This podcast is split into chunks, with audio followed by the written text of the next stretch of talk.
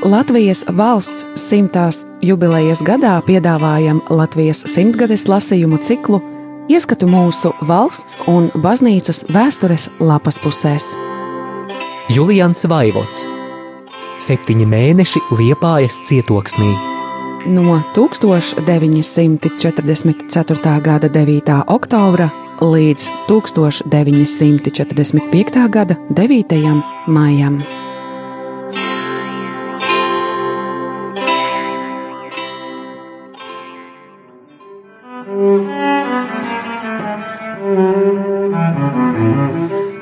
Tūkstoš 945. gada 5. februārī. Šodien svētās Agatas diena. Šī svētā Romas ķeizara Decijusa laikā tika nomocīta par savu kristīgo pārliecību. Svētā Agata dzimusi Sicīlijā no dišciltīgiem un turīgiem vecākiem, izcēlusies ar sevišķu skaistumu, un tāpēc Sicīlijas pārvaldnieks Kvintiliāns gribējis viņu precēt. Aizdusmots par sava piedāvājuma noraidīšanu, licis Agatu dažādi mocīt, gribēdams salauzt jaunavas pretestību.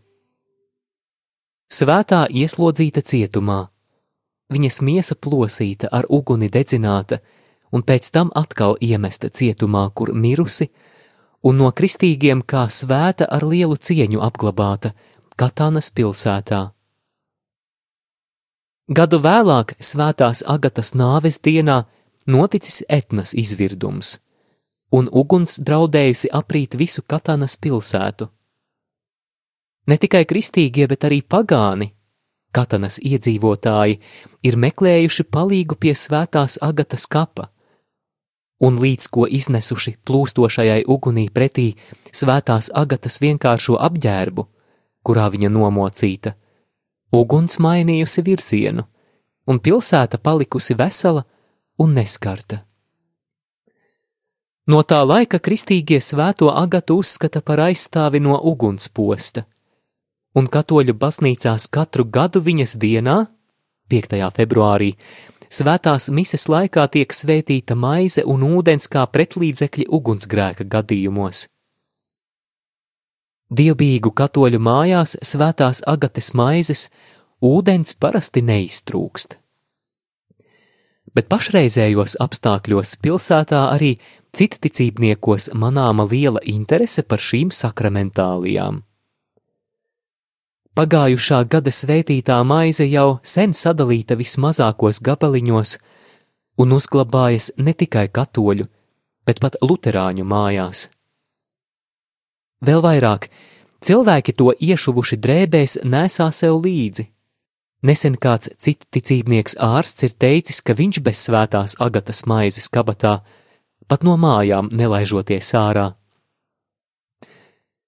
Briesmu laikā cilvēkiem aizmirstas visi gadu simteņiem pret katoļiem potētie aizspriedumi, un no zemapziņas iznirst vecvecā ticība, kura kaut gan sārņiem apklāta, tomēr vēl ir dzīva. Tāpēc šogad par svētās agatas dienu un maizes svētīšanu liepājā bija sevišķi liela interese. Jau laikus daudzi citticībnieki man jautāja, kad svētīs svētās agatas maizi. Un šodien, kad uz pulkstens astoņiem sāka nākt cilvēki baznīcā, varēja domāt, ka tas ir lieldienu rits kādā latgales draudzē, kad no katrām mājām ved sev līdzi uz baznīcu kūlīti ar svētamiem produktiem. Cilvēku baznīcā bija daudz vairāk nekā parastā svētdienā kaut gan šodien ir pirmdiena. Vajadzēja redzēt, cik kvadrātmetru grīdas bija noklāti ar maizes sainīšiem un ūdens pudelēm. Pat ceļš uz svētā Antona altāri, kur svētīšana notika, bija aizņemts, un pie tā vajadzēja iet pa sāndurvīm. Ievērojama daļa klātesošo bija citicībnieki, ko varēja vērot no tā, ka nezināja, kas kuru brīdi dievkalpojuma laikā darāms, lai gan arī centās katoļiem darīt pakaļ. Netrūka arī uzjautrinošu starpgadījumu. Dažiem samērā garā dievkalpojuma laikā bija aizmirsies, ka pudele ar svētāmo ūdeni rokā, un tai krītot uz cementa grīdas un plīstot, nevienai vien sievietei paspruka baiļu kliedziens. Vēl lielāku uztraukumu pārdzīvoja tie, kas sainīšus ar maizi un ūdens pudeles bija novietojuši altāra tuvumā, un kad no vairākiem simtiem katram vajadzēja atrast savu. Nav brīnums, ka steigā viens otrs bija paņēmis svešu. Skāde gan liela nevienam nevarēja notikt, jo saturs visos vienāds. Starpība varēja būt tikai kvantitatīva, bet ne kvalitatīva. Varu iedomāties, pa cik rokām un mājām šodien jau tika izdalīta rītā pasvētītā maize un ūdens. Jā, šie laiki daudzus agrāk ticības lietās vienaldzīgos iemācīs cienīt ticību un visu, kas ar to saistās. Citādi arī nevar būt, jo paši tautu vadoņi šī ziņā rāda nepārprotamu priekšzīmi. Sakarā ar varas pārņemšanas 12. gada dienu vācu tautas vadoņa teiktajā runā netrūkst tādu teikumu, kādus katrs mācītājs varētu atkārtot no kanceles. Dzird cilvēkus stāstām, ka šīs dienās Krievijā, ne jau bez Staļina ziņas, esot ievēlēts jauns patriārhs, un pēc visiem ortodoksālās baznīcas kanoniskajiem noteikumiem ievests amatā. Lai Dievs dot lielāku cieņu ticībai pie tautu likteņu noteicējiem, tad arī tautu likteņi kļūs panesamāki un vieglāki. Ne bez pamata krievu teiciens – gori plačet, gori skačet, gori i piesinki pajot. Nelaime raud, nelaime lēkā, nelaime dziesmiņu dzied. Cilvēki tagadējā postā paraudās un palēkās, varbūt beigās arī vēl sāks dziedāt.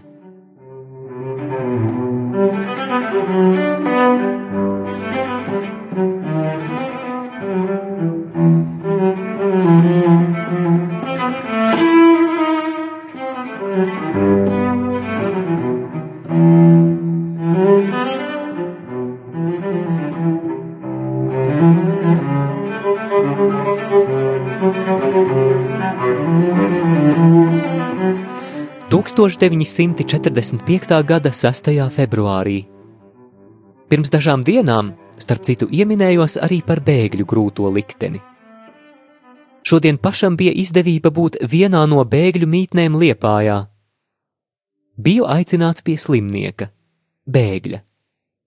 Mītne ierīkota kādā lielā namā, kurš agrāk ir kalpojis sabiedriskām vajadzībām, jo telpa liela, augstiem griestiem un lieliem logiem. Tā garām drēbju pakaramo rindām sadalīta trijās daļās.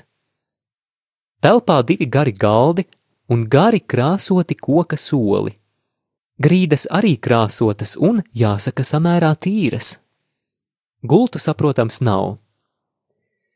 Tikai slimnieks novietots uz diviem kopā sabītītiem soliem. Gar sienām uz grīdas lielas kaudzes ar bēgļu mantām, kuras pa lielākai daļai apsektas ar segām vai palagiem. Minētā telpā mitinās astoņas lietuviešu bēgļu ģimenes no mažēķu apriņķa. Bēgļu vairākums evakuēts spaidu kārtā. Kā jau katoļu ļaudīm, bērnu daudz, un tāpēc istabā diezgan biezs, bet tik silts, ka pat vismazākie bērni basām kājām brīvi kustas pa visu telpu.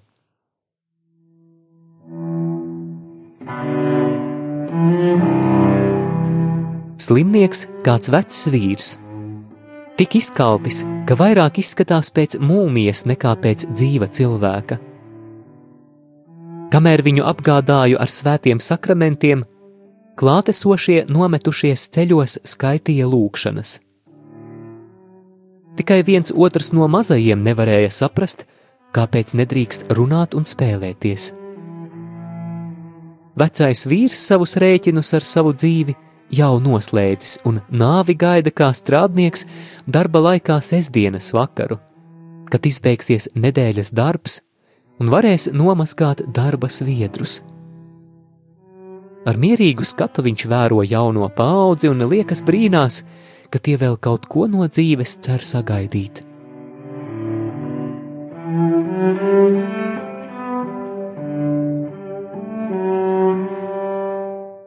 Pēc garīgās ceremonijas nobeigšanas ierunājos ar klātesošajiem. Daudzi pavisam brīvi runā latviešu. Prasu, kā viņiem te klājas. Citādi jau nekas nekaitot, tikai ar uzturu knapi. Tie, kas neejot darbos, dabūjot dienā simt gramu maizes, divās porcijās, rītā un pusdienlaikā.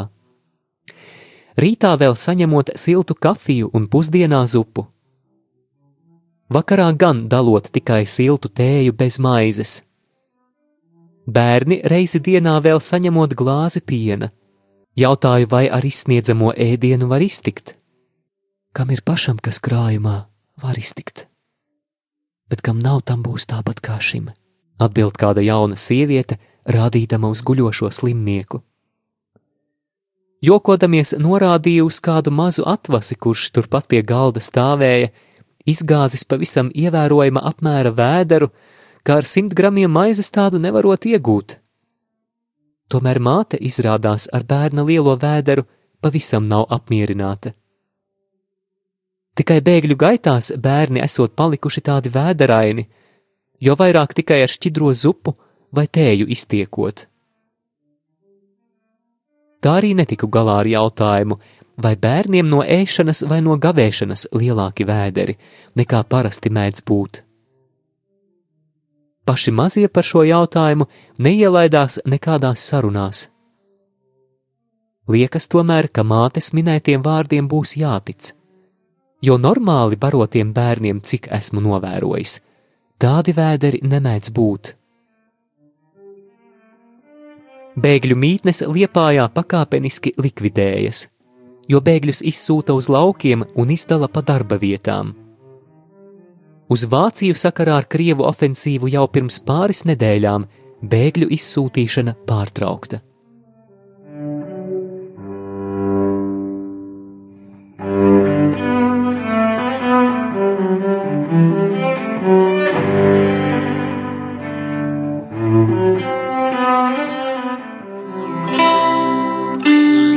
Radio Marija Latvija ēterā Latvijas simtgadēji veltīti lasījumi. Julians Vaivots - septiņi mēneši Liepājas cietoksnī.